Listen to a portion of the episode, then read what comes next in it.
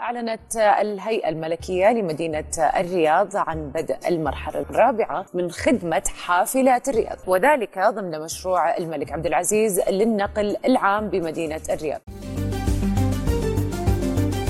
السلام عليكم. أنا محمد السهيمي وهذا مانشيت. أهلا بكم.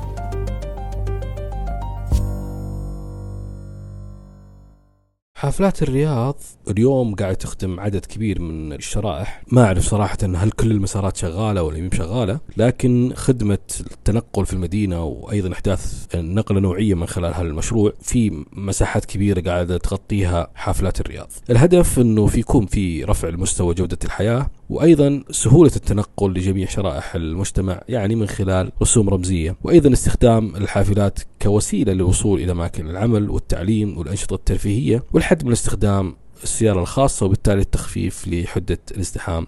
عدد الحافلات اليوم أكثر من 800 حافلة وتعمل من خلال 86 مسار تخدم الركاب عبر أكثر من 2900 محطة ونقطة توقف. تعال تعال الحبيب وين وين وين؟ وين تركب؟ لا أنا مزاجي إنك ما تركب في الباص اليوم توكل على الله. مزاجي. هل القانون يمنع سواق باص إن واحد يمدرك يركب في الباص؟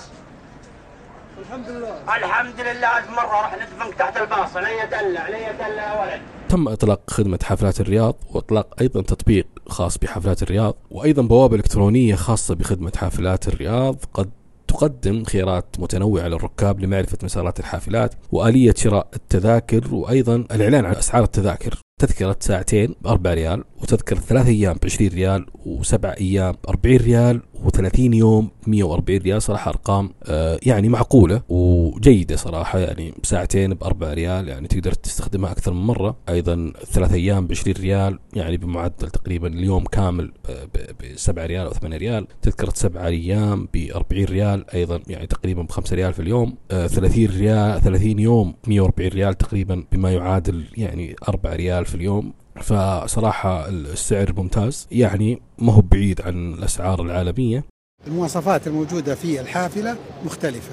في واي فاي مجاني في ذوي الاحتياجات الخاصة. دورة مياه تكرم وخلافه حطوا لك واي فاي بحيث إنك تسمع وتقرأ. في منافسة بين المشغلين. بيتنافسون لكسب هذا الراكب. وإن شاء الله نجربه. يعني وأدعو جميع المستمعين صراحة أنهم يجربون حافلات الرياض. اللي إن شاء الله تكون مساندة لمشروع المترو اللي يعني إن شاء الله أوشك على أنه ينتهي. ونفتك من زحمة الرياض صراحة والقيادة السيارة. أتوقع أنه هذا الموضوع راح يوفر علينا وقت كبير آه، لأنه اليوم واحدة من أكبر المشاكل اللي تواجه الناس اللي ساكنين مدينة الرياض. موضوع الازدحام جلوسهم في السيارة لأوقات مرة طويلة. ويمكن اليوم أنت تسمعني من خلال السيارة. أوكي إحنا بالنسبة لنا مستانسين إنك أنت اليوم زحمة عشان تسمعنا لكن الزحمة صراحة ترفع الضغط ويمكن تخلي الواحد يعني أحيانا تحت ضغط كبير جدا خلال يومه. فنتمنى إن شاء الله إن يكون في حلول كبيرة جدا لموضوع الازدحام المروري وأتوقع إنه حافلات الرياض واحدة من الطرق أو الأساليب إن شاء الله اللي راح تسهم في تخفيف حدة ازدحام.